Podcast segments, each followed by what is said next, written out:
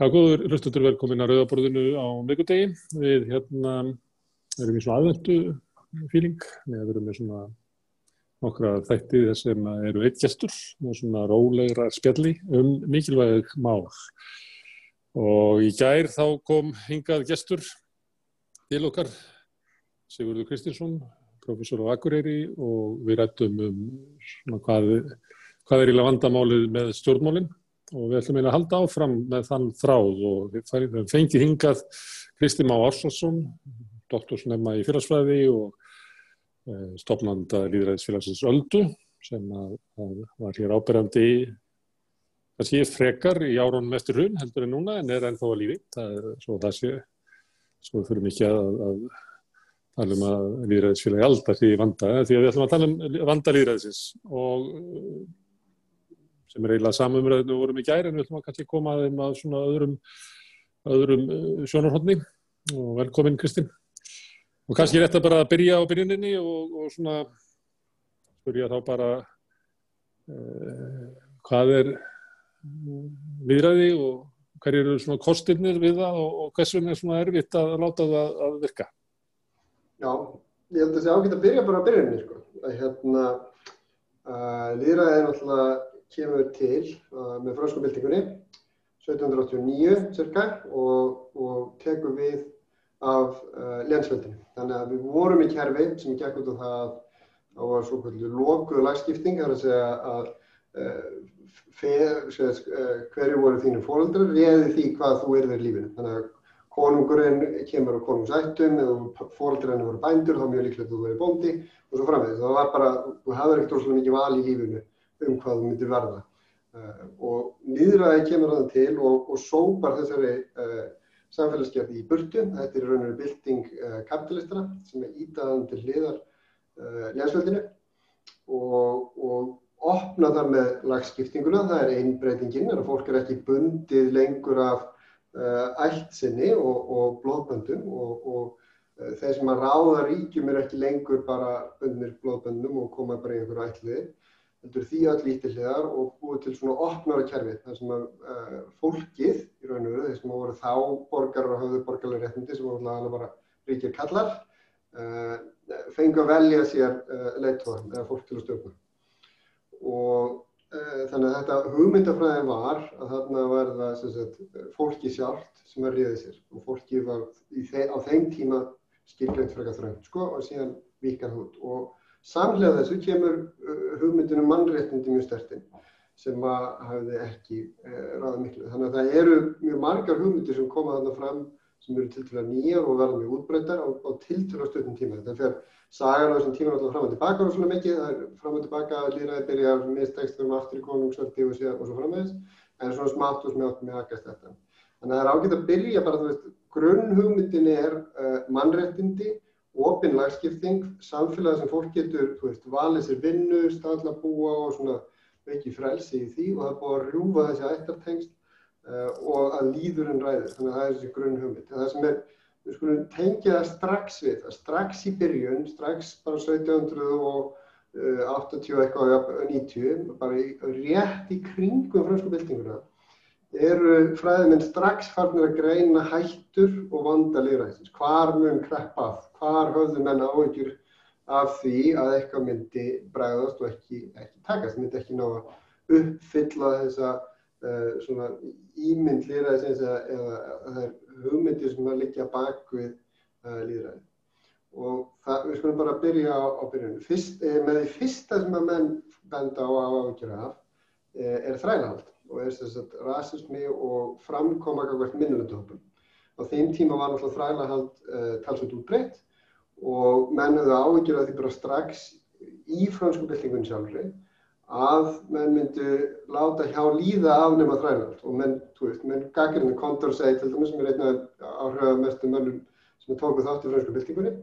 að þeir stofna samfélag til stuðnings uh, svörtum og til stuðnings uh, þrælum og gegn, uh, til ánam strælahaldi og þessar hafa verunar ágjörð því að þrátt fyrir að þarna séu að koma líðræði, hugmyndunum mannréttind og um jöfnu og svona framvegis að mann muni láta líða, hjálíða að, að afnema það.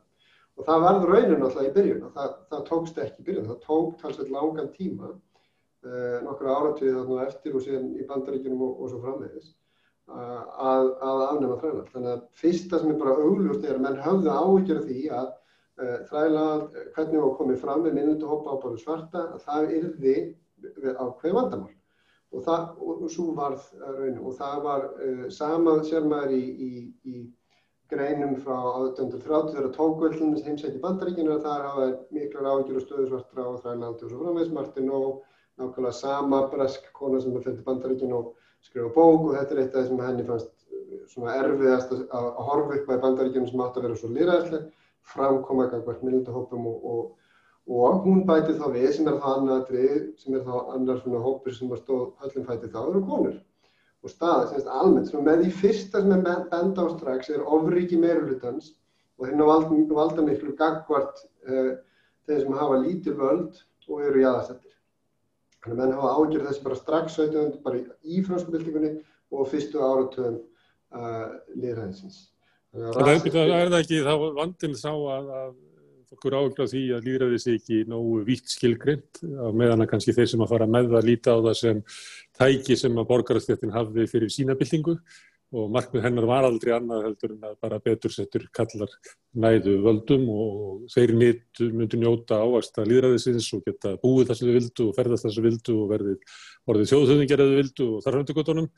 en þetta var aldrei, uppfælur hugmyndinni var aldrei að þetta myndi endilega seitla niður til allra. Ja, meni, um þetta voru alltaf átök, menn að þú veist, yfirlýsingin eh, sem ég gefin út í fransku byltingunni er tiltöla almenns eðlis. Og mér að upplýsingin og þeir sem voru undir áhrifn frá upplýsingunni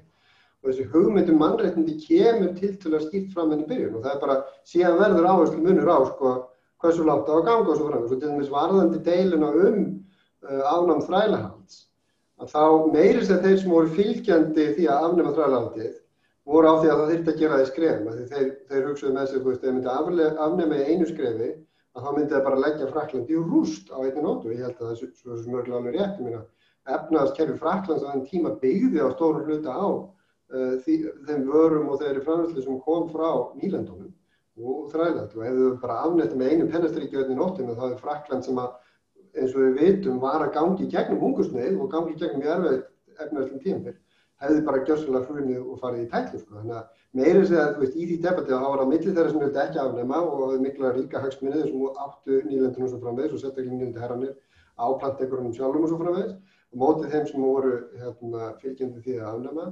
Meirist að þeir sem voru fylgjandi afnum og við erum að gera því skrefum svo frá þannig að það er kannski hluta ástæðinu fyrir að tóka aðeins lengri tíma en það breytiði ekki að það var alveg alveg frá byrjun að það, þessar hugmyndir um að þetta ætti að vera vítt að konur ætti að vera með það var strax bara átt um þær 1780 og þannig bara sérmaður strax að þannig er eitthvað atriðið þessum að uh, skóin kreppir í byrjun uh, baratunar og það snýra að minnleita hópum og hvernig komið fram með það. Sem að standi ítla, þetta er aðfræðilega halds afleðinni af,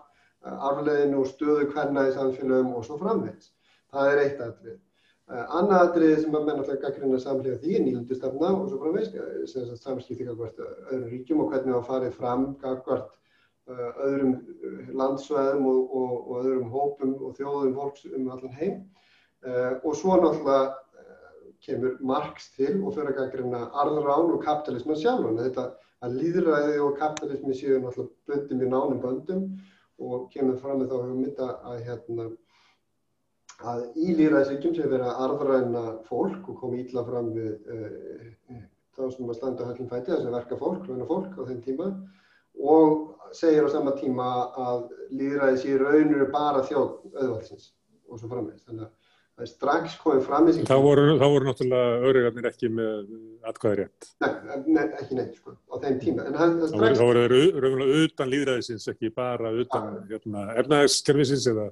fórnuna þess, þetta bara utan hins borgarlega samfélags. Og ekki enn búið að afnema þræla halda alltaf svo framvið, þannig að veist, það var mjög margt sem stóð út af borðinu sem hefur síðan þá breyst hvað þetta var. En hugmyndinu um að það séu mjög sterk tengst og mjög mikil áhrif fjármöggsegenda álýðraðu ákvæmumtöku er komin fram þannig strax í byrjun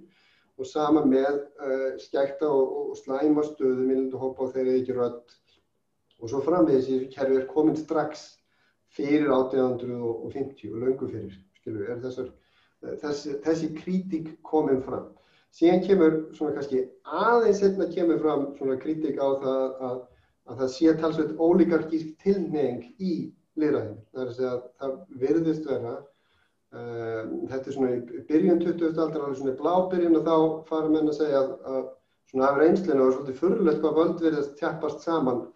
á toppnum og hvað verðist, sko líðræði verðist vera svona að hafa á tilneyingu að völdin tjappist á frekar þröngan hóp almennt og ekki bara almennt í kostningalýðræðinu, það er að hjá ríkisvaldinu heldur bara, en var bara svona í félagsamtökum, í félagum og svona, það er bara þessi tilneying einhvern veginn að. Einhverjir í fórsvari og valdspillir og allir þessi, þú veit, gamla góða að sagja hvað það var. En ég, þessum, ég held sem er mikil þurfa að hugsa um uh, vanda, það vanda sem að líðræði glýmið við í dag, að setja það í sögulegt samvikið og aftugur á því að mörg, ef ekki flest, af þeim vandamál sem stöndur fram í fyrirtæki, eða flest af því sem er gaggrinnum í líðræðin í dag, eru vandamál sem að voru ljós strax í blábyrjum og, og fræðimenn voru búin að benda á bara fyrir 1850 uh, var bara alveg auðljóst að það yrði vandamál að tryggja að meirulhutin og þeir sem hafa mikilvæg myndu ekki kúa minnlutana og myndu ekki kúa það sem að standa illa og það var auðljóst að það að í þeim tíma að það væri mjög sterkt tengsl á milli þeirra sem stýra aðtunulefinu eða stýra aðtunutækjum sem framvegis og þeirra sem taka ákvarðunum á pólitíska sviði. Og þessi aðri, og við horfum bara yfir sviði í dag, uh, baróttu svartra í bandaríkjónum fyrir sínum uh, réttindum innan líðræðsins að þau hafi rödd, hvenna, ímins uh, að annara jáðarsettur að hópa. Þetta eru með mest áberandi baróttu sem við sjáum í dag, eins og Black Lives Matter í bandaríkjónum sem framvegis, að berjast fyrir því að standa jafnfættis öðrum í sínum samfélagi, njóta sem er réttind að vera ekki kúar af lauruglu og yfirvöldum og svo frammeins og yfirvöld. Men þetta er annað eitt og hitt er síðan þessi barata sem við sjáum undir formarkinn hlummis gegn einu prósundinu. Það er þessi gríðarlega sterkur tengst, svona revolving door á milli stjórnmála og, og viðskiptalífs og áhrif volstyrti bandaríkjum og svo frammeins á stjórnmálinn þar. Mikið af rannsóknum í dag sem sína fram á að það eru mjög sterk tengst á milli þess hvað stjórnmálmenn gera og hvað Uh, hagsmunarsamtök ríkra vilja og eða hvað bara ríkast 1% almennings vill að gerast. En mjög lítil tengst á milli það sem stjórnmálmenn gera og þeir sem að hafa það hvað verst vilja. Sérstaklega, þetta er rannsóknir sérstaklega í bandaríkjum. Þannig að hann að sjá við þess megin atriðin í gaggrinu sem kemur fram bara á 19. öld eru ennþá vandamál sem erum klíma með í dag. Við skulum alveg, alveg á hreinu að það eru einhverju miðað í rétt áttöðu, þannig að það er ekki aðbúnaði verkafólks er ekki eins slæmur og var 1850 þegar Marx hefur skrifað uh, á flestum vesturlöndum á minnst hústi. Að, og borgarlega réttindi þræla haldu að afnum með borgarlega réttindi hafa aukist úr hafist, en sömu stefin eru ennþá kjarnin í vandanum sem við þurfa að klíma við. Það er að segja að það líðræði sem var, uh, var skipulagt og stilt upp á þessum tíma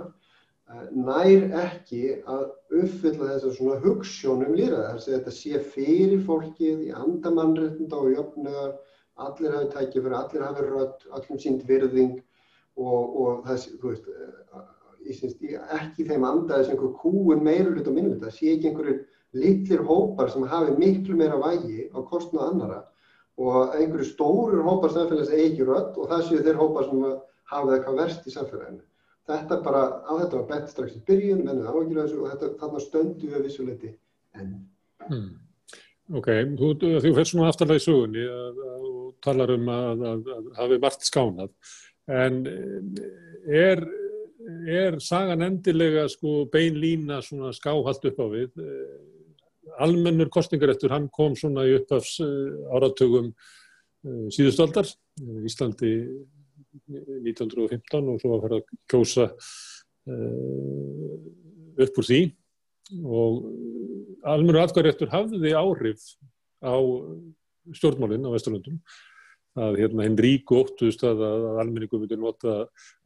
valdsitt til þess að skatleggja hennar ríku og, og, og sömuleyti þá gekk það eftir því að, að nú er til þess að vera að benda á það að það er að búa að lækka skatta á hennar ríku að, að þeir fóru jáðarskattar á, á ríkasta fólkið í bandaríkjónum og í Breitlandi fóru upp í sko 85-90% á tímabili. Og mögulega var það bara afleðing af almennum kostningarétti og auknu vægi inn þáttakari, almúans, verkalýðsins, almennings á stjórnmálinn. Við hérna heima getum ég bett á það sama að 1916 þá eru stofnaðir stjórnmála armar fyrir bæði verkefnsreyfinguna og samfunnurreyfinguna og raunverulega náð þessar reyfingar völdum 27 þegar alþjóðflokkurinn stýður minnundastjórn framsumaflokksins og, og það er ekki fyrir 1940 að borgarastjættin nær aftur uh, inn í, í ríkistjóðina þegar sjálfstæðflokkurinn sem er eiginlega útgafa, útgafa borgarastjættinar af alþjóðstjórnmálum að finna einhverja leið til þess að komast inn í þau að, að, að borgarstætt kemst aftur til valda 1940 og á þessu tímabili frá 27 til 1940 gerist ótrúlega margt í því að byggja upp samfélag sem að, að hendar betur almenningi. Það er ekki bara almannatryggingarstofnaðar og ímiskunar réttindi hérna, launafólks og vinnulögjöfinn og guðma veit eitthvað ekki.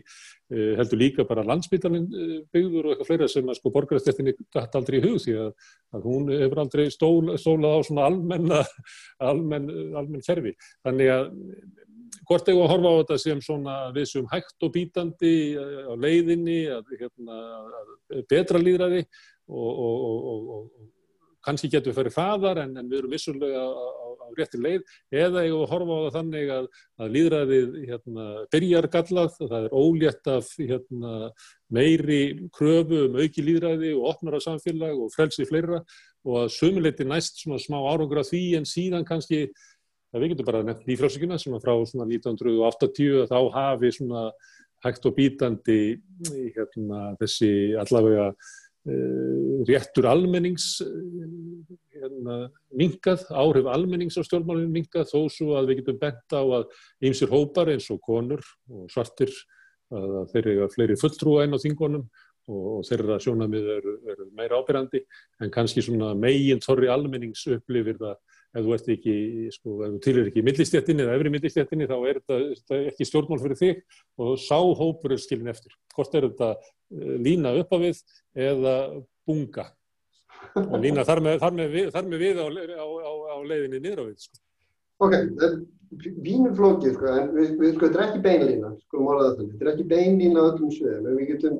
þannig að ef þetta lýsa sem einhverju línu og kannski getur við líka, það er mjög oft þannig að þetta svona sveiflast í kringu línu fyrir svona upp fyrir aðeins niður en við erum samt á leiðinni rétt og sumi fræðið mér haldaði fram að að lýraði sér þess aðeins og það leiðir eftir sig smátt og smátt og svona þetta er bara fólk sér óþálumátt, þetta er bara að taka tíma, bara að taka tíma að komast í gegnum, þetta er alltaf að taka bara nokkur hundra ár sko að komast í gegnum uh, alla sögun, allan kúltúrin af rasism og verðaröld og svo framvegis. Sumi fræðiminn halda því fram. Uh, ég er að skjóta inn að þetta er í andasögurskona nýfrjálfsvíkuna sem er allt jafni sig og allt verði betra raunverulega hægt og rólega og raunverulega ætti þú bara að fara í aftursætið og býða því að sagan mun koma með hérna bestu niðurstöðu til því þú þarf ekki að berja svo mikið fyrir því. Já og maður heldur ekki glemjaði marg sem að finna sömu skoðan og því líka sko að þetta muni á endanum uh, allt leiða til hins fullkomna útópíska samfélags sko. Þannig að það er nú ekkert óæðilegt, en í, í þessu, þessar kenningar er aðeins öðru annars aðeins, það er bara alltaf fram að líra sér þess aðeins að líra er læri, líra þessi kerfi sem að smátt og smátt læri að fyrir kannski aðeins tilbaka, en það er smátt og smátt svona læri af reynslunni og svona mjaka sér rétti átt. Og óhæði hvort að menna að rétt fyrir sig það og þetta sem er augljóst er að það er svona fram og tilbaka og svona sutt og það er líka að splitta þess aðeins upp, þannig að og þú bendir réttilega á, það er ekkert allt á nýfrálsvíkutímanum, á nýfrálsvíkutímanum er alveg rétt að staða launafólks miða við tíanbilið á sosialdemokratíska tíanbilið frá 40-80 er ekki en sterk og, og það er ekki sterk uh, bara átta al, almannasamtöka, það er ekki en sterk tengingmiðli ríkisvaldsins og, og verkefliðsfeyfingar og svo fram. Það er ímislegt svolítið og við veitum það bara, það eru laun, stöð, staðna í mörgum löndum en það er ekki launafróðun held hjá hjá verkafólki heldur ekki í takt við uh, kaupmátt eða þess að það en gerum það hjá ríkari hópum og þeir verða ennþá ríkari þá framvegs en á sama tíma, menn það er mjög mörg réttindum staða svartra, hvenna uh, samkynniðra annara hópa, jáðarhópa hefur batnað mjög mikið í þar um, heim í gegnum bara á þessu tímbili þannig að þau réttind og þeirra staða í samfélagum hvað bara það, þú veist að vera hluti af samfélaginu, það hefur hefur áframvaksið á, á, á nýfrálsvíkutímanum einhver lit. Þannig að þessu líka ójæmt dreft. Hvað er að gerast á hvaða tímabili, hvaða baráta er í fórgrunni og svo frammeðis er mismunandi. og við sjáum það í daginn að núna sjáum við mjög mikið margar af þessum barátum í gangi á sama tíma. Við sjáum mikla barátu, mikið, svona, miklu meira heldur en gert í svolítinn tíma að barátu svona í anda stjættastöðmál og stjættabarátu og barátu uh, læri tekjuhópa og þessari svona uh, barátu gegn eina prósundinu og kapitalistum sem um, um, um svolítinn tíma var bara ekkert í forgrunni. En við erum líka að sjá á sama tíma eins og MeToo og mikla baróttu annara hópa og, og baróttu hvenna fyrir uh, gegn ábeldi og svo framvegis. Þannig að það eru mjög margar baróttur í gangi að, og aftur á sama tíma mjög mikið svona, uh, svona óþreyja og óanægja með stjórnmálum, miklu meiri núna heldur en hefur verið þessu langan tíma. Og, og tengt þessu, einn ein kenningin um þetta er, er svo að, að sko Uh, í kapitalismu og lífræðisvíkjum að þá sveiflustu á milli þessara tíumbila sósaldemokratisma og, og nýfrálsvíkju eða svona frálsvíkju tíumbila og að þessum tíumbilum þau séu bara pínlega ólík sko. sósaldemokratisku tíumbilin einkennast af mjög sterku sterkum almanarsamtökum sem eru mjög öflug og virk og í samtali við ríkið um hvernig á stýra hlutunum og hvert á að fara inn, inn í framtíðan og sjá fyrir sér framtíða sín á meðan frálsvíkju tíumbilin einkennast að því að rjúfa tengstinn á milli þessara samtaka og ríkisins og láta markaðin stýra efnaðarslífinu og koma honum áfram og að þetta náttúrulega hefur einhver áhrif á það hvað er til tals og hvað er mikild og svo framvegs og við séum nýtt á frjálsvíkjutíma þess vegna er ekkit skrítið að þeirra að, að, að sósaldemokratiska tíminu laug með kreppu og það kemur til, til sögunar ný hugmyndafræði sem er ekkit ný, hún er bara nýjum búning, þess vegna kallar hann ný frjálsvíkju að hérna að þá er verið að leysa vanda sem fólst í því að vera skipulegja efnaðslið með þeim hætti að vera í svona ríku samtali og það er bara sagt, nei, við erum að láta marka en sjá um, um hvernig hlutin er að gera. Og það með veikist þessi almanna samtök á þeim tíma. Og svo endar kemur hrun og kreppa 2008 og þá allt í hennu vakna fólk og sér býtinu veið, erum við kannski búin að vera veðja á rangan hest hérna í, í það er að segja hvað var frásíkjuna og þessu hugmyndafræði. Og þá opnast umræðinum hvort við erum að fara tilbaka og við sjáum alls konar alls konar svona hópa á samtök sprett upp sem að voru kannski í, í dvala eða, eða voru bara ekki staðar. Mm.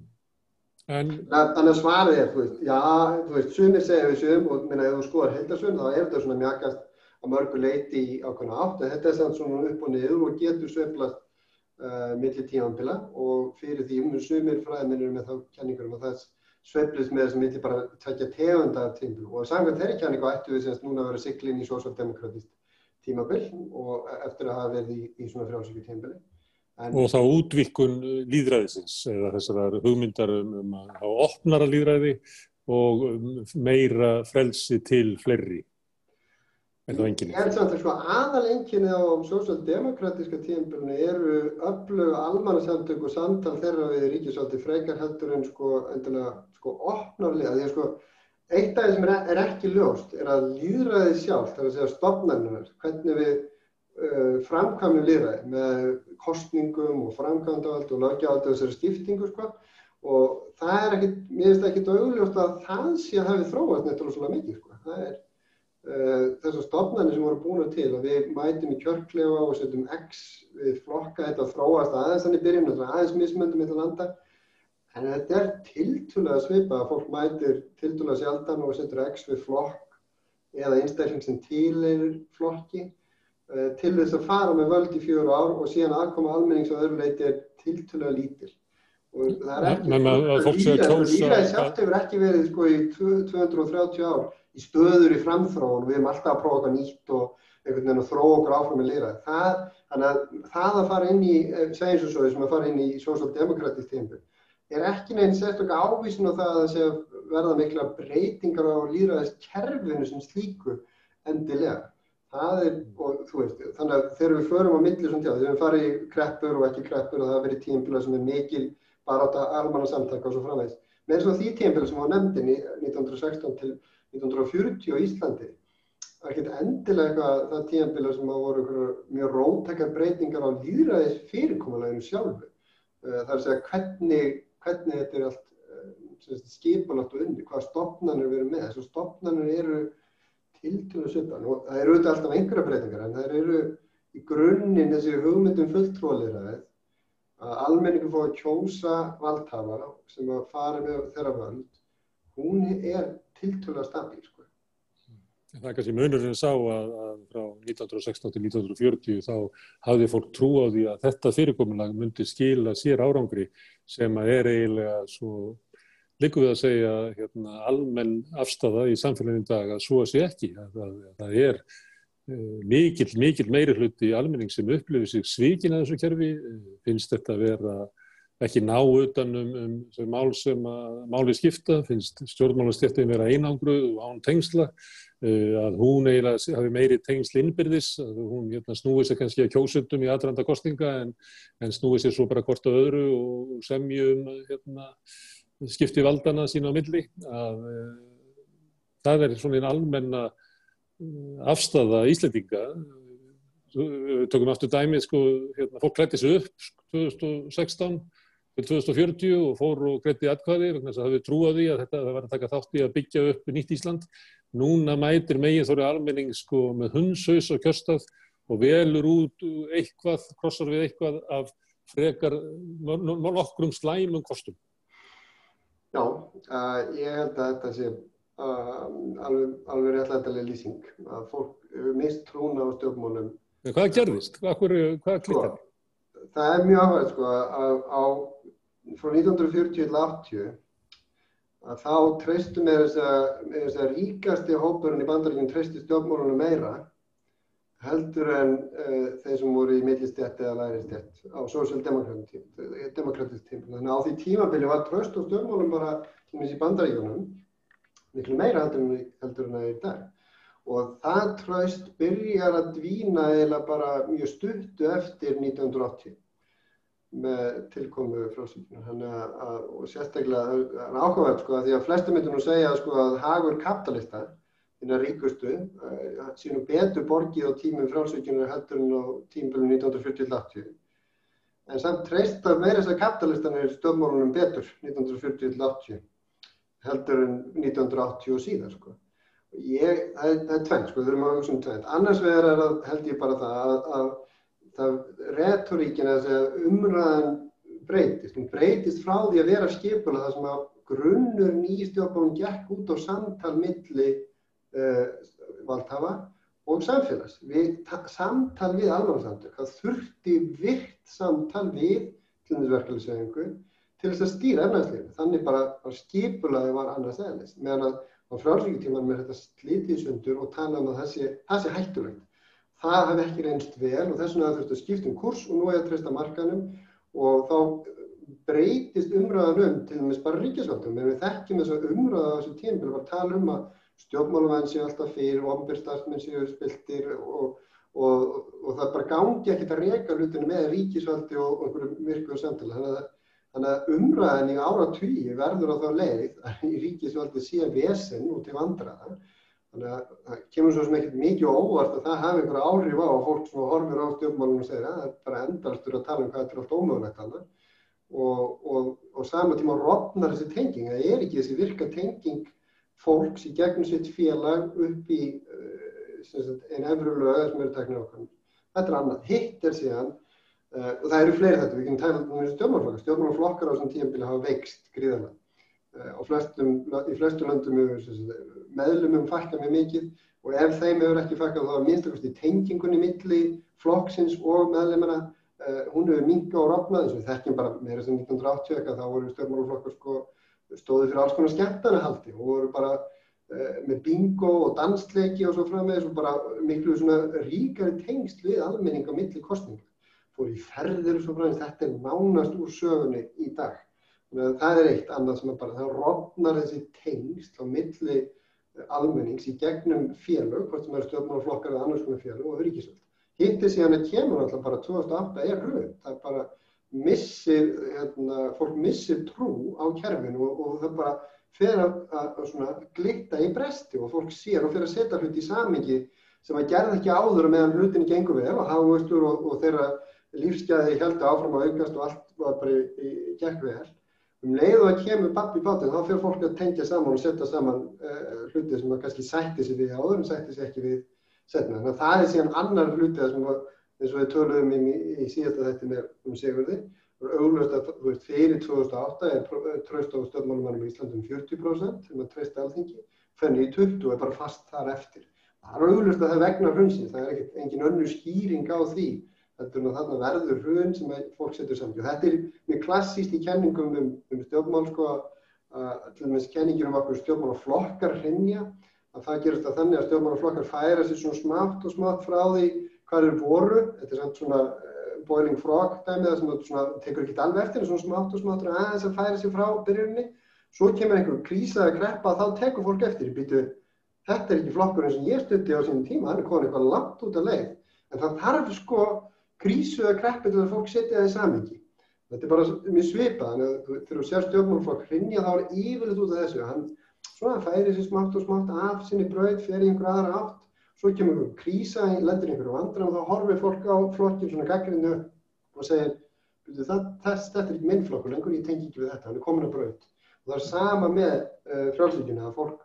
Veist, þetta var bara fólk upplýð, þetta bara komið eitthvað út af braut og, og, og veist, það þarf ekki að lýsa því fyrir við erum allir eftir þessu með hvernig eru upplýðið þetta bankarhraun og hvernig bankarnir var reknir og alltaf þessa umröða sem var í kringum uh, efnaðarslíf í Íslandi og þetta brjála efnaðarsundur sem var hérna 2007 og svo framvegis.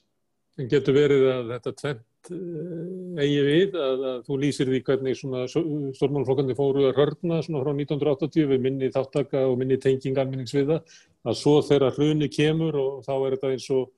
þá standa flokkanir á svona þinnri ís, það er búið að grafa undan því og svona tengsleir út í samfélaginu öru og veikari, svo kemur hrunið og afhjúpar sko afleita stefnu sem hafi verið áður, að þá hafa sko flokkanir ekki sko neitt enduníunar getu til þess að ná sér aftur upp í þó þessi 40% sem að, að, að trösti var áður. Ah, ég, ég held að það sé ekki spurning, sko, ég held að það sé hlutu. Önnur kenning sem að fræðaminnur með hvað þetta varðar er, að þegar að flokkar eru komnið í þá stöðu að það er mikið vantröst gafast þeim, að þá lokaði þessu svolítið af, þá, það er einn kenningin sem sagt, er að, að, að þegar þú mætir miklu vantröstu þá þorir ekki út á akkurum, þú þorir bara ekki að stíga út nema þú ert alveg örugur með eitthvað aðrið, annars bara svona lokar þau svolítið inni og þá, þú veist, það kemur í veg, þannig að vantröstu býr til svona bara vítar hringir öruverðu þar sem að, að það er svo mikið vantraust að þegar stjórnmálum að stígu frá vettvangi þá er hann lamin alveg í klessu, þú veist, ombella og, og á almenningi. Þannig að hann þorir ekki að fara aftur út nema bara með eitthvað sko algjörlega pottjætt eða þú veist, að berja okkur með öðrum og það verður svona vítringa, verður svona svolítið göllu uh, stjórnmálummenning af þeim sökum, skilju. Mm. En hérna, já, og síðan er önnur náttúrulega kenningin að, að þú veist, að populismi sé náttúrulega mjög líklegur í við svona aðstæðir þar sem að lítið tröst, þessi lítil tenging, almenningur er mist trú á stjórnmálunum algjörlega. Þegar, þegar sko, nýfrásingin kemur inn, þá takaði við, það var vissilega kreppa, og, það var mikil verðbolga og hafi verið efnaðaskreppa á undan og vandamál og það er henni taka við. En, en tröst á stjórnmálum á þeim tíma var í þokkalögu lagi og við sáum heldur ekkert, við þau skipti var þetta ekki bara á milli nýfrjálsvíkja og populisma.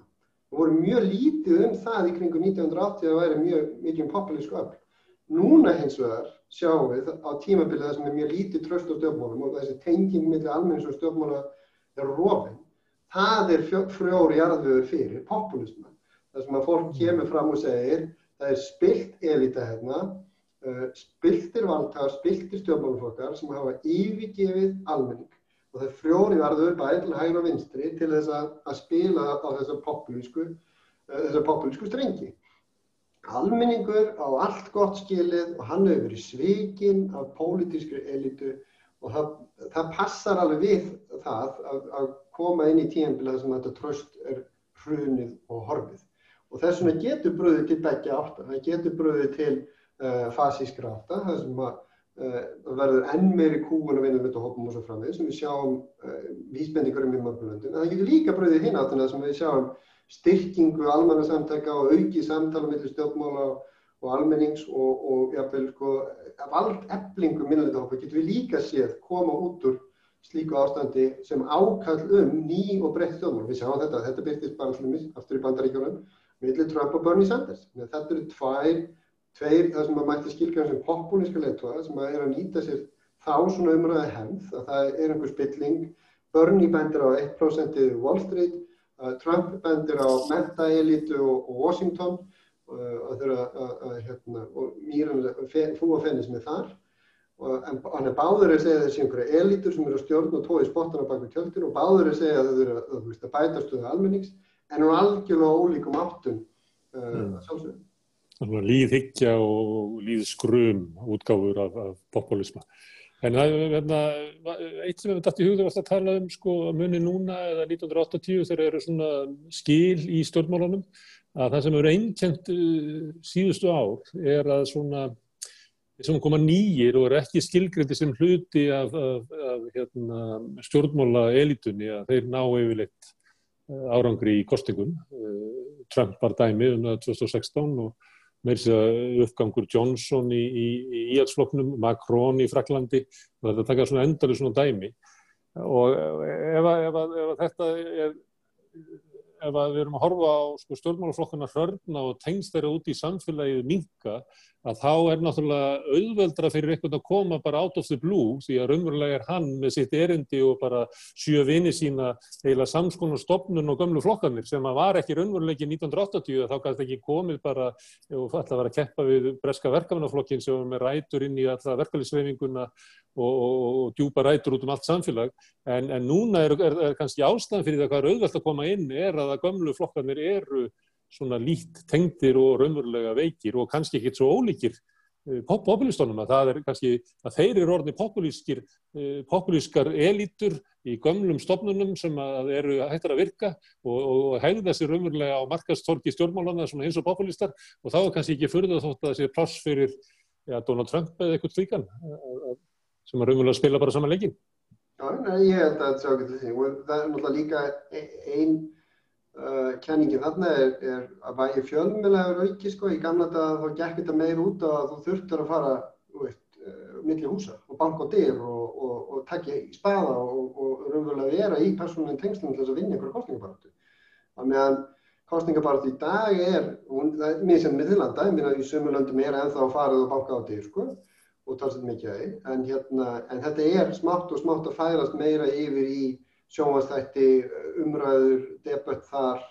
uh, netið, tölvupósta, uh, skilabóði síma og svo fram með þessu sjáðu, sko, hérna, kostningabaratu í bandaríkjum hefur meir og minna verið að færa til þessa. Og nota, þú veist, tölvulíkvönd til þess að reikna út er þessi líkluð til þess að að kjósa okkur eða ekki og ef hann er ekki líkluð til að kjósa okkur, þá sko ekki ringi hann, annars ringi við hann. Og, og margir fræðir hafa alltaf ágjörð því sko að það er sem vonda áhrif að líra þessi bara að tala við þá sem eru þess að kjósa mann aldrei tala við hinn e, þá sem eru ólíklegir, þá sem eru á móti manni þannig að það eru bara bergmálsellar allstaðar en ég held að það sé alveg rétt í það að auðvitað skapa það ákveðin tækifæri fyrir nýja flokka að koma inn þegar að stjórnmálaflokkarnir sem eru e, við völd eru búin að missa þessi tengsl út í samfélagi sem að mm. Bæði bara svona til dala persónlega tengsl og líka bara þessi formlegu tengsl við almannasamtöku svo framvegis að þau rofnuðu á þessu tíðanbili eins og svo sem þekkjum vel með það voru mjög sterk tengsl á melli verkefliðsveðingar á Íslandi og stjórnmálaflokka. Þau tengsl á nýflóðsöku tímanum rofna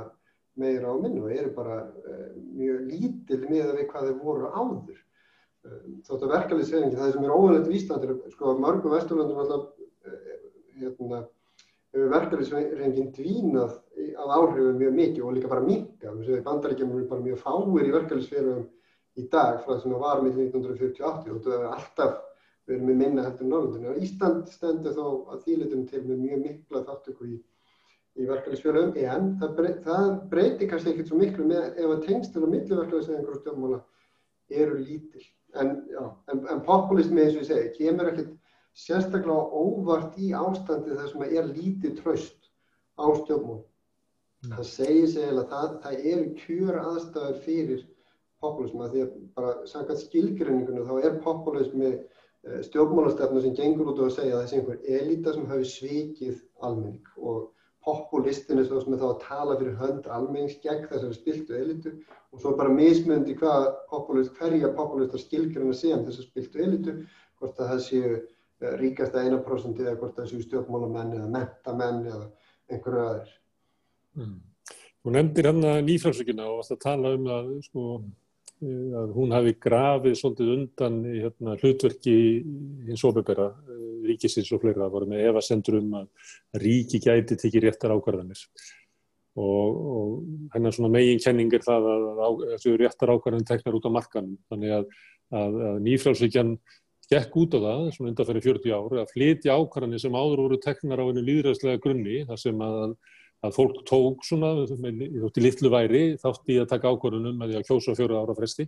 að þá eru tegnar ákvarðanir um alls konar hluti, það var tekið ákvarðanum um gengiskráningu og vakstastig og, og, og hvar hérna, uppbyggingu félagslegt húsnæðiskerfis og, og tekið ákvarðanum um alls konar hluti sem að á nýfrálsvíkjárunum voru fluttað frá hinnum sko líðræðslega vettangi yfir á markaðinn sem að frá þeim stað þar sem að eh, hver maður hafði eitt atkvæði yfir á þann stað þar sem að hver króna hafði eitt atkvæði og henni ríkustu raunverulega réðu mestu, þetta er tímabil nýfrálsvíkjárunum. En þetta áhrif þessa tímabils, þessa svona viðvarandi vantraust á líðræðisvettongin væri ofsagt að segja að nýfrálsíðan væri í eðlýsinu svona andlýðræðisleg að, að, að hún hérna, væri raunverulega að draga úr vægi líðræðisins sem er kannski eina valdið sem að, að meginn þarf almennings hefur á móti auðvaldinu að draga sem mest úr líðræðisvaldinu og flytja valdið yfir til auðvaldsins. Um, ég held að kjarnin í þessar spurningu sé hvernig skilgreinu við líðræði nákvæmlega. Sko, við byrjum á skilgreina svona frá uppáðana, svona mikil áherslu mannréttindi og mikil von um að allir fengju tækifæri og allir rödd og svo framvegis. En sko sögulega sé að hafa bæði fræðimenn og stjórnmálamenn mjög margir skilgreint líðræði fyrir eitthvað þröngt. Um, ekki, og svona sem raunveru samkeppni elítu um völd og almenningur fá að velja sér elítu til þess. Þetta er svona klassi, einn klassi skilgrinningin á liðraði í, í stjórnmálafræði. Er bara almenningur getur ekki stjórna sjálfur, hann verður að velja einhverju til þess að, stjórna fyrir sig. Þar leiði keppir einhver elíta um hilli almennings uh, á milli kostningur og framvegis. Þessi hugmynd, þessi og sko, við, og, og svo kannski bara ef við stoppa þarna og segja bara þetta er líðræði og þá er þetta náttúrulega mjög þraung skilgreining á líðræði og þá er... Þú varst eiginlega að skilgreina sko stjórntæki til þess að draga sem mest úr áhrifum líðsins á samfélagi. Algjörlega, minna einn skilgreiningin er, er á þessa leið sko að, að sko almenningu getur ekki stjórna af því að það getur enginn tekið ákvarðanir nema að byrja ábyrð á þeim með einhverjum hætti. Og, og ef, ef þú tekur á, ákvarðanir í gríðvarg á þess að byrja nökkva ábyrð á þeim beint og þá getur ekki tekið ákvarðanir og þar að leiðandi segja menn að eina leiðin til þess að skipuleikja nokkuð líðræði sé að fjela einhverjum ábyrð og það er hljóta að vera einhver elita sem þá keppi, keppi um hilli og það sé að þetta skipti með elitu, þú getur hendt út óbærilegri elitu og fengið einhver aðra, þannig að menn þurfa keppin um þetta okkur svo framvegis. Þetta er svona þröng, þrönga skilgreyngjum líra og við hugsaum bara út frá því, ég meina þá, þá er nýfrjálsökja ekki endilega andlýraðislega þessum skilningum, nýfrjálsökja er oft uh, sætt sér á þetta og mér, það er eitt af þessum að allir fræðamennum pínum áhyggjum undanferði er að, að elítur núna til bæði til hægri og einhver leiti aðalega til hægri sem, sko. það er ekkert rosalega margi vinstri populistar sem eru andlýraðislega sem stendur. Flestir þessi populistaflokkar í, í Európu eru flokkar sem vilja meira lýraði frekar til minna lýraði. En það eru, eru hoppar uh, hægri populista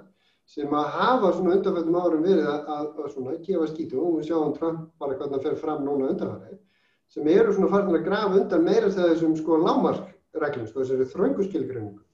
og þá uh, það hefur valdið fræðið mér mjög miklum áhyggjum að, að þessi verið að grafa undan þeim. En það, það minnum að þetta líka á mér er það stóra atrið því að bara hvað er áhugavert uh, hvað fræðimenn og stjórnmálumenn hafa sæst á þrönga skilgrinningu og líðræði svona lengi og þessi atrið sem við nefndum í upphæði að uh, kúun minnulutahópa, uh, eh, ofriki meirulutikakvart minnulutahópum, arðrán, ójöfnöður, slæmstaða í misa hópa, uh, að þeir hafi ekki röndi í stjórnmálkjörnum og svo framvegis. Að þetta eru atriði sem að á stórum tímum í liðræðisríkjum eru bara ekki eins og tals og er ekki einhvern veginn eitthvað sem að menn hafa miklar áhengjur af að þurfa að hrópla mikið við. Þeir, þeir eru ekki upp, mjög uppteknir af því á stórum tímum að spurja sér byrju hvernig getum við þetta betur, hvernig getum við nú tryggt að við náum þessari líðræðislega hugssjón uh, fram? Og það, þannig að þú segir er, er, er nýfrjálsíkjan andliðast, ég meina á stórum tímpinu voru híniflokkanir ekkert einhvern veginn að saga þá en það voru ekkert ósamála sko, þeir voru ekkert Ég var kannski að tala um nýfrjálsíkjan sem tímabils þetta tímabils svona síðustu 40 árum Já,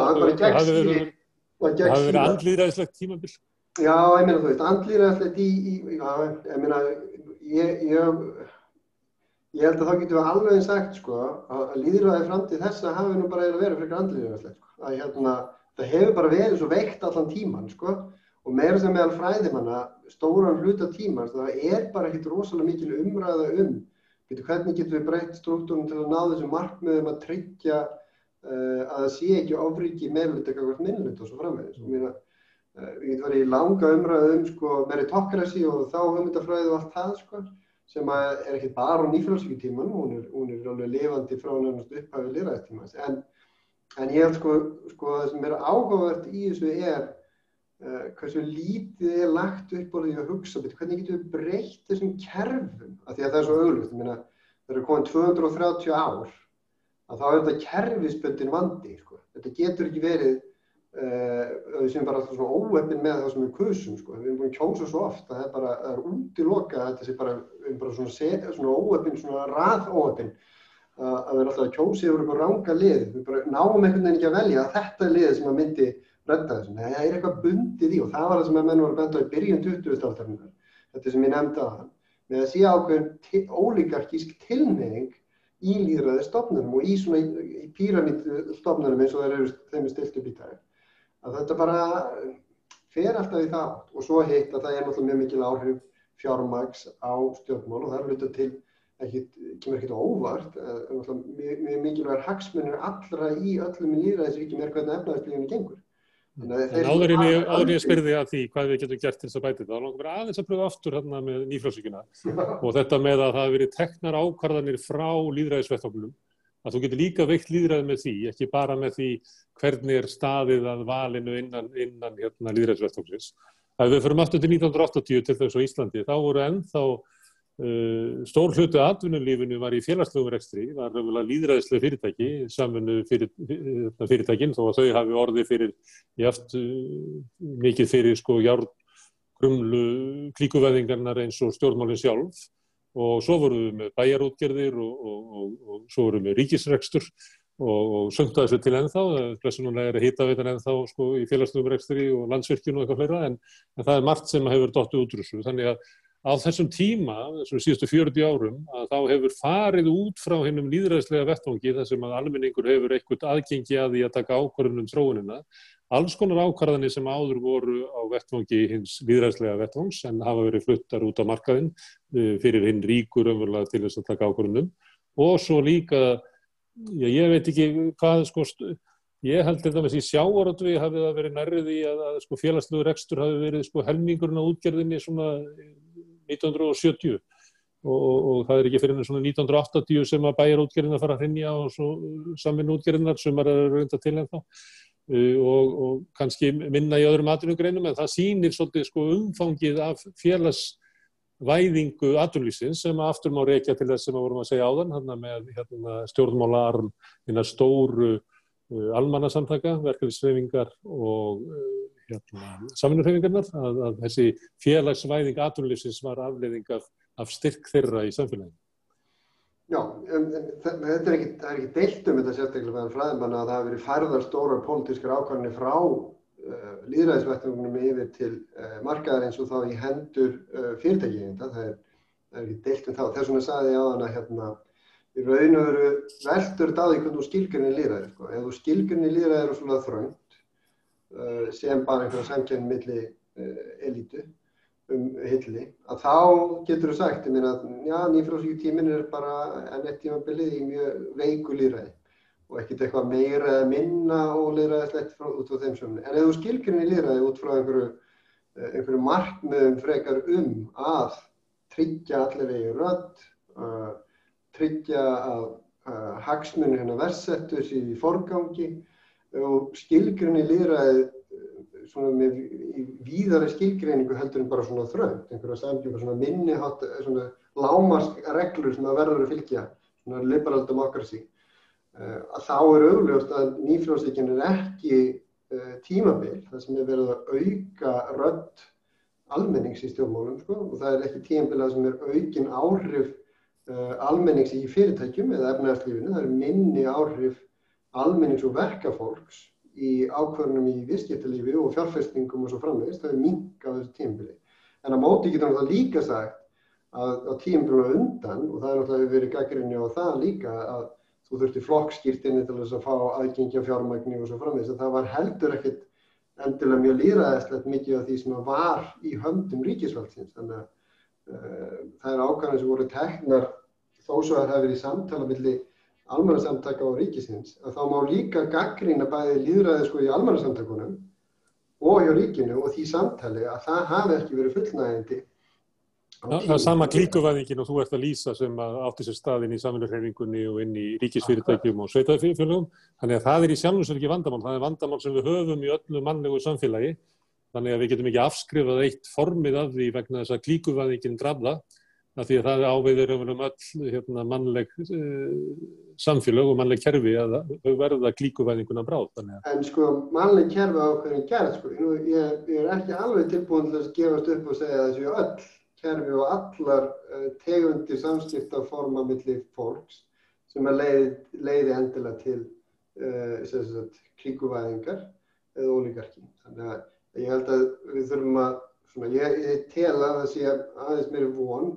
heldur en svo að við séum bara först í því að sé alveg sama hvað við gerum, hvernig við breytum stjórnum. Við endum alltaf með ólíkarki og, og einhverju klíkuvæðingu og, og, og skort á lýraði. Ég ætla nú ekki að ganga svo langt, ég var bara að, að þessi kerfi, samfunnurþeyfingin eða verkefnsþeyfingin eða sveitafélagin, það höfðu ekki varnir til þess að verjast klíkuvæðingunni til dæmis. Á, á þeim tíma sko, og það er og þetta bara, já, það er, það er viðvarandi vandamál og hefur verið eins og menn bara greindu strax við upphæði, hefur bara verið viðvarandi vandamál, er að ná ekki að uh, fá fram rattir allra og það er vegið þúnt og tryggja hagsmunni uh, sérstaklega en að jáðasettu og eina verðsettu. Það þeir sem eru svona normið í samfélaginu vaða yfir uh, allt og alla og sína ekki nægilega mikinn skilning og, og, og svona samhengjum gagvart uh, gagvart öðrum. Og, og mm. það er bara síðan misjant svona sveiflasmiðl tímpilega í hverju það fælst en, en eins og ég segi, við veistum ekki bara, bara segja að þetta, verið, þetta er ekki bara niður við, við sumt hefur, hefur mjögast áfram og svo framvegs en eins og staðan er í dag, þá er stand, stendur líðræðið höllum fætti og það er, þú veist, fræðimenn þeir deila ekkert um það lengur, þeir eru svona deild um það svona á árinu 2017 en síðan þá að það er eiginlega allir bara saman um að, líðræði sé eppil bara í stórhættu sko. Þá skiptum við gýr og þá spyrjum við, þá spyrjum við Kristinn, nú viljum við bara meira líðræði, við viljum meira frelsi fyrir fleiri og hvað getum við gert í því? Hvaða tæki höfum við til þess að bæta líðræði? Já, eh, sko, fyrsta auðlösósvari eru öllu almannasamtök í sterkum tengslu stjórnvöld. Það er, eh, fyrsta auðlösósvari er að, að það er mjög mikilvægt, Lýðræði krefst þess að framkomi hugmyndir um, sko grunnhugmyndinu lýðræði er samkeppni um hugmyndir um að gera lífið betra fyrir alla í samfélaginu og sérstaklega það sem eru vestið. Það er grunnhugmyndin um að hvað stjórnmálaflokkar eiga alltaf verið að gera. Þannig að sko draumsýnin um, um lýðræði ætti að vera svo að í hverjum einstu kostningum ættu við að vera með brjálega valkviða. Við ættum sko að vera með hlaðborð af frábærum hugmyndum um hvernig lífið geti sko verið miklu betra heldur en það var uh, við síðustu kostningar. Ég held að þessi nánast engin íslendingur sem að fara inn í kjörklega svona. Það eru mjög fári íslendingar sem eru uh, í, miklu valkvíða vegna þess að þeim finnst allir kostinu svo frábærir. Það var grunn hugmyndir. En leikilandriðið séð er að við verðum alltaf að vera að fá okkur nýjar hugmyndir. Við verðum að vera að fá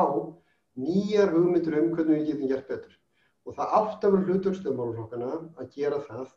og það hefur eitthvað brúðist þar það held ég að sé alveg augljóst að það er eitthvað brúðist í uh, þeirri vinnu stjórnmálaflokkana að vera alltaf heiðarleg og virk í þessari vinnu að finna nýja leið til þess að gera lífið betra og allt betra í samfélaginu. Örgulega fólki í stjórnmálaflokkar sem er ósámala en almenningur að minnst að upplifa sko alls ekki þannig að það sé ekki lögum. Og þess vegna nefn ég almannasamtökina því að almannasamtök, sterk félagsamtök, samtök almennings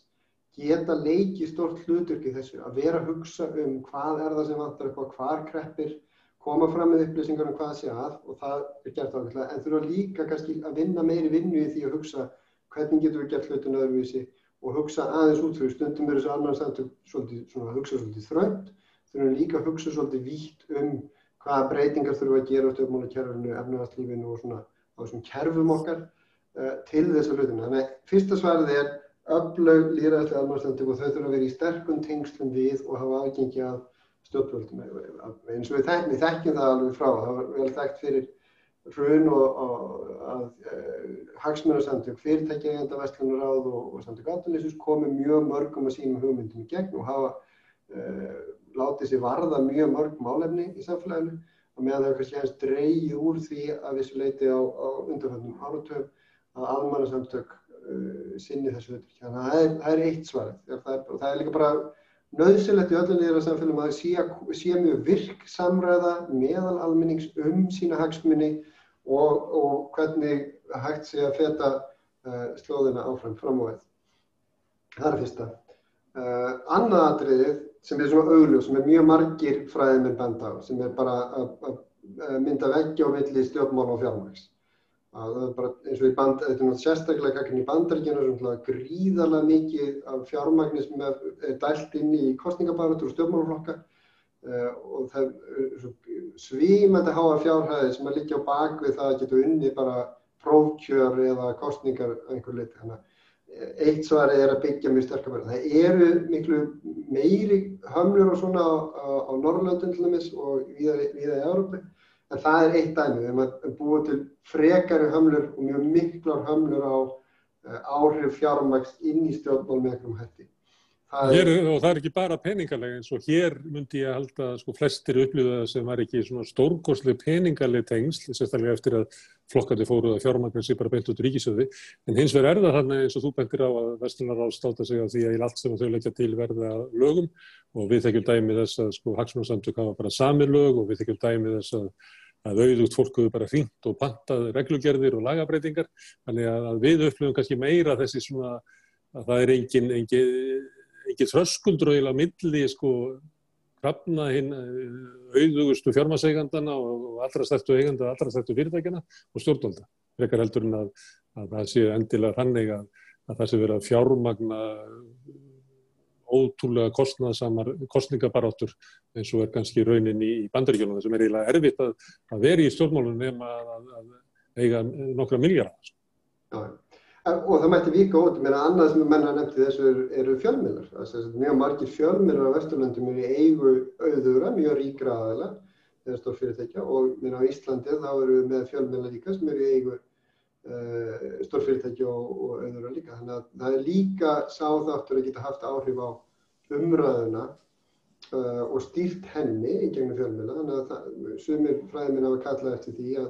að þau þurfa að stokka upp uh, fjölmiðla og hafa mjög dreift eignarhald á þeim eða þeim sem stýrt með einhverjum öðrum hættum ekki um styrki eða uh, dreifða eignarhald almennings eða, eða þurfa verið eigu starfsmanna sinna og svo framvegs. Þannig að það er síðan annar þáttur í þessu. Uh, fleiri aðrið sem við getum gert til þess að, að dýfka líraði er aukin aðkoma almennings að stjórnuna. Og í því horfa menn helst til þess að nota svo kalluð slembivaln rökkraðferðli. Á Íslandi er mjög mikið, uh, svona er talsveit hávart ákall eftir því að nota meira kostningar, þjóðratkvæðgreðslur og eða persónukjör. Uh, ég held að segja ágætt að byrja aðeins að, að tala um að, að í fræðunum er ekki margir mjög spenntir fyrir auknuvægi þjóðratkvæðgreðslur. Og ástæðan er svo að kjósendur eru ekki lélega kjósendur og hérna í þjóðratkvæðgreyslu leiða í raun og veru fram óupplýsta afstöðu almennings. Því almenningur er ekki líkluð þess að setja sig mikið inn í einstök mál og þar leðandi er kostningin svona viðbræð, svona bara, þú veist, akkurat, bara svona hljóðnefnir settu fram í andlutaður og svaraði og það er ekki ífylöðu ráði, þetta er ekki vöndu umræði og svo framvegis og líka rannsóknir sínt að þessi tiltölu auðvelt að hafa áhrif á kostningar í þjóðratkvæðgreislum í gegnum fjölmila og auðlýsingar herrförur og svo framvegis. Þannig að svona almennt sé það er ekkit, með því er ekki sagt að þjóðratkvæðgreisli get ekki leikið neitt hlutverk, en svona almennt sé eru fræðimenn mjög skeptískir á að auka verulega hlutvel þeirra í ákvæmundtöku. Þannig að þess vegna horfum við frekar til ferðlega eins og slembivalna og raugraferðlega sem að þú tekur þversnið almenningi, reynir að búa til þversnið, þetta er svona pínu útgáfa af almenningi kemur þeim saman í herbyggju og þau hlusta þá á upplýsingar, rög með á móti, staðrindir, hlusta á hagsmunaðala með á móti og, og, og afla sér upplýsingum álið, koma svo saman og þeim er stýrt mjög vandlega með vandæri umræðustjórn, þannig að treykt að allir hafi rödd, það sé ekki bara hvítu mentu strákandi sem að taka stjórnin í herbygginu, er allir hafi uh, jafna rödd og treykt að sjónum með heyrist og þessi treykt að menn sé að svara og hlusta á sjónum með annara og ekki bara vaða áfram og, og koma síðan að niðurstu og reyna að komast að niðurstu, finna rauk með á móti og sjá hvernig landi likur og komast að niðurstu. Ég held að við erum núna komið með nokkra áratögi á rannsóknum á þessum fellum og þau, þær gefa bara talsveit góða raun. Sko. Þannig ég held að þar sé tækifæri til þess uh, að nýta þessi tól, þessi slembiöldur og kröðaferli til þess að, að auka aðkoma almennings að ákvarðanumtöku í stjórnmál og það má gera á eins og einn hugmyndin sem eru sett fram er að vera með efri dild í þingum sem er slembiðvalum þannig að stjórnmálaflokkan eru áfram kostnir, þeir koma áfram fram með hugmyndir um mál og frumvörp og leggja þau fram og deilum þau og, og bre, hérna, breytinga tilhörur svo framvegis. En síðan þurfa þau að hljóta náð almennings fyrir ofan. Þannig að með þessari leið þá færi ekkert í gegnum þingið nema fara í gegnum nálar augast lembivalins þverskurðar almenning sem myndi þá alltaf koma saman og þurfa að segja já, okkur líst vel á þetta, þú geti glemt þessu, þetta kemur ekki hérna aftur sko, geti, þetta geti bara farið og, og, og, og grafið á einhverju skuffu og svo horfum við, það er ein hugmyndin en það má nýta þetta tækja mjög marga vegu, í bandaríkjum er þetta nota bara alltaf þegar það kosum með einstök mál, í Oregon þá er alltaf kallaði saman svona hópur, þannig í bandaríkjum er kosum á löglega marihuana og uh, banna erðarbreytta lífverður í þessu fylki og svo framvegir sko. Og þá er alltaf kallaði saman svona hópur og hann veitir síðan upplýsingar til almennings og, og svona reynir að gefa honum leiðbenningu um hvernig henni er að kjósa. Og það er þá hugsað sem tækið hann, þetta er búin að blanda saman almennum atkvæðagreifslum, þjóðatkvæðagreifslum og slempjáli, það sem að slempjáli hópurinn eru það hlutverk að reyna að upplýsa kjósundur um hvernig þeir eiga að kessa kjósa og hvað séu aðalatrið. Svo mætti hugsa sér að nota þetta bara að láta svona hóp hafa dasgrarvald og þingi uh, og svo framvegis. Þess vegna getur við þing nefndir verið slempivaldar og þannig að það sé að vinna mál og svo framvegis. Það er margar útfællur að nota á uh, því að, að, á þessu slempivali og þessum slempivaldum. Mm. Kanski gallin, Kristinn, og ástæðan fyrir því að, að líðræðið þróast hægt er að til þess að ná fram þessu breytingu þá þarf það að ná raunverulega völdum í gegnum gamla kerfið og á leiðinni til þess að þá verður hluti af kerfinu. Þannig að þá er að spurningin hver ætti að koma fram þessar kröfur. Hérna, við höfum talað svolítið um, um hérna, launafólk og verkalíf og þá sem að standa höllum fætti í samfélaginu og standa lagar. Er það hlutverk verkefnisreifingarinn að koma með kröfur um, um breytingar á líðræðiskerfinu þannig að, að það þjóni betur sverra félagsmönnum heldur en, en, en ekki bara hinn um betursettu kannan á að koma fram þýstingur á þessar breytingar? Því að vandin er eins og ég var að segja að til þess að gera þetta bara ekki þingið að þá þarftu að fara í gegnum gamla kerfið og við þekkjum það að það eru líkur á því að þú verðir eins og kerfið á leiðinni, það er bara þó nokkað. Já, ég meina ég held að blasi við að þessi einleið að þessi krafa komi frá almannarsendökum, hvort sem er verkefliðsreyfing eða einhverja, þegar náttúrulega með upplöfustu almannarsendökum í Íslandi er verkefliðsreyfingi og uh, takmark og markmið verkefliðsreyfingar er að tryggja hag félagsmanna sinna. Og ef verkefliðsreyfingin telur að hagsmunum sínum sér betur borgið með aukinni aðkomi og almennings í gegnum slík ferli og þá er náttúrulega ekki spurninga að verkefliðsreyfingin ætti að taka þetta mál upp á sína arma en það getur verið hversum önnur og það er stjórnmálaflokkum náttúrulega alveg í sjálfsvælt sett en það er alveg rétt að það er náttúrulega minni líkur að fólk fari í stjórnmálaflokk til þess að leggja það til að völdur að séu takkmarkuð eða fjalla sko. Eh, en bara af, það, er, það er svona frekar ólíklegt að fólk nenni að fara í stjórnmálaflokk til þess að berjast nákvæmlega fyrir því en það er ekkit, útlokað að svo krafa að komi það en að því að stjórnmálaflokk þeir náttúrulega líka gera sér grein fyrir því og þeir, þeir tala um það mjög mikið undan þetta mál þeir verði auka tröst og endur nýja lýraði og, og svo framveg. Þeim sem er alvar í því þurfa náttúrulega að horfa á leiðir til þess að, að dýfka lýraði og meðan þau líka, ég held sko að má ekki vannmeta það sér liti, meðan stjórnmálamenn hafa hér tækifæri til þess að gera sögulega breytingar í þá almennings. Þessi stjórnmálamenn, það er engin stjórnmálamenn sem myndi segja að hann var ekki að starfa í almanna, þá almanheitla. Við veitum náttúrulega ekki satt í öllum tilvægum en, en hei, það er enginn sem myndi, myndi ofinbeglega koma fram og segja nei, ég er ekki að því. Ég, ég er á móti almenningi. Þannig að, að stjórnmálamenn þurfum náttúrulega að taka alvarlega þetta mikla vantraust og þetta þess að líðræði standi höllum fæti í dag. Má, má ég spyrja þér, finnst þér þið að gera það með stundum eins og stjórnmálamenn tala um þetta eins og það þurfi bara að uppfræða almenninga, það sé raunverulega, þetta sé raung afstæða almennings að treyst ekki stjórnmálunum, að við verðum að upplýsa almenning meira um hvernig við störfum á þinginu og, og hvað við erum að hugsa, þannig að vandir sé raunverulega almennings, þannig að sé illa hérna, upplýstur og þess vegna sé hann þessu afstíð. Já, það er ég verði að segja að það er freka vandræðan því maður heyrður þetta oft sko. Þetta, þetta sérunur allt í lagi sko. En það er bara, það er svolítið súrt einhvern veginn eins og þú veist þegar maður rekur bara þessu sögu sko að 1820 og eitthvað og þá er fólk að tala um að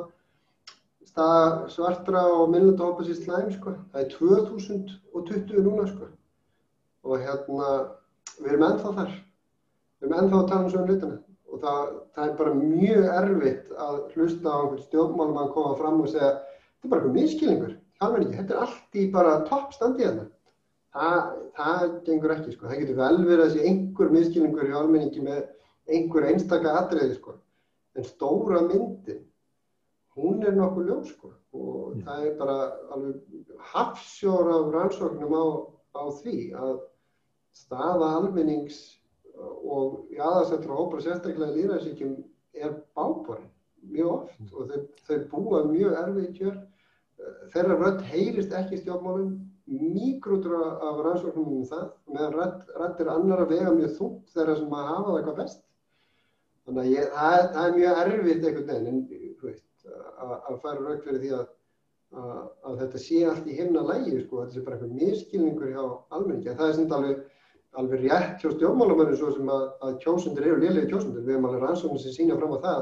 að sitjandi valdhafur eru líklega til þess að, að fá fleiri atkvæði að fókbóltaliði vann innan við viku frá því kostningum. Sko. Þannig að við verðum líka að taka á okkur sem kjósundur. Við erum ekkert alltaf mjög góðið að kjósa. Sko. Það er því miður. Sko. Þannig að það er rétt. En það eru þá rauk fyrir því að nota kostningar minnu og það er aftur þá, slempivalið, er leið til þess að fara fram hjá þessu svona já, þessum skekkjum og þessum, þessum vittlus í okkur sem kjósundur að láta ótengda atbyrði hafa áhrif á okkur eða bara hlaupa, þú veist, svona, gefa svona fyrstu viðbröð á þess að hugsa málunum vel, skilju, er að komast frá. Þannig ef stjórnmálumenn hafa umverulega áhyggjur því og hafa um, umverulega áhuga á því að fá fram upplýstan almenning og fá fram upplýsta umræðu, þá ættu þeir einmitt að vera hrifnaræði að nota slembi og röggræðaferðin meira til þess að fá fram upplýsta afstöðu almennings í málum og þá fylgja henni eftir. Mm. Í, í lokin, Kristinn, þú hefur búin að lýsa að það er margt að líðræðinu og þá langar við að spurja, er þetta, er þetta mikilvægt að við lögum líðræðið til þess að við getum bætt samfélagið og er það áriðandi? Því það er stundum sem að hérna, við getum eitt löngu tímið í að ræða ímyndlega sem að betur mætti fara og svona en, en núna eru hérna það er margt mikilvægt sem er á borðinu þannig að mér langar bara að spyrja því er þetta sem við verðum að ræða hér í kvöld er þetta eh, mikilvægt samfélagslegt mál og er þetta áriðandi að við lögum líðræð? Uh, já, við erum búin að býða í 230 ár eftir að, að fá þetta í lag sko. þannig ég, þú veist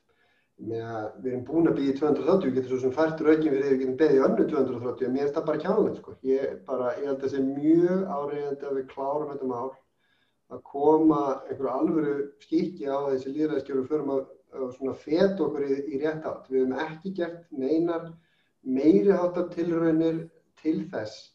að breyta þessum kerfum uh, nýna. Það hefur bara ekki verið gert. Ég held að þessi laungu komin tími til að við förum í skrefum að taka,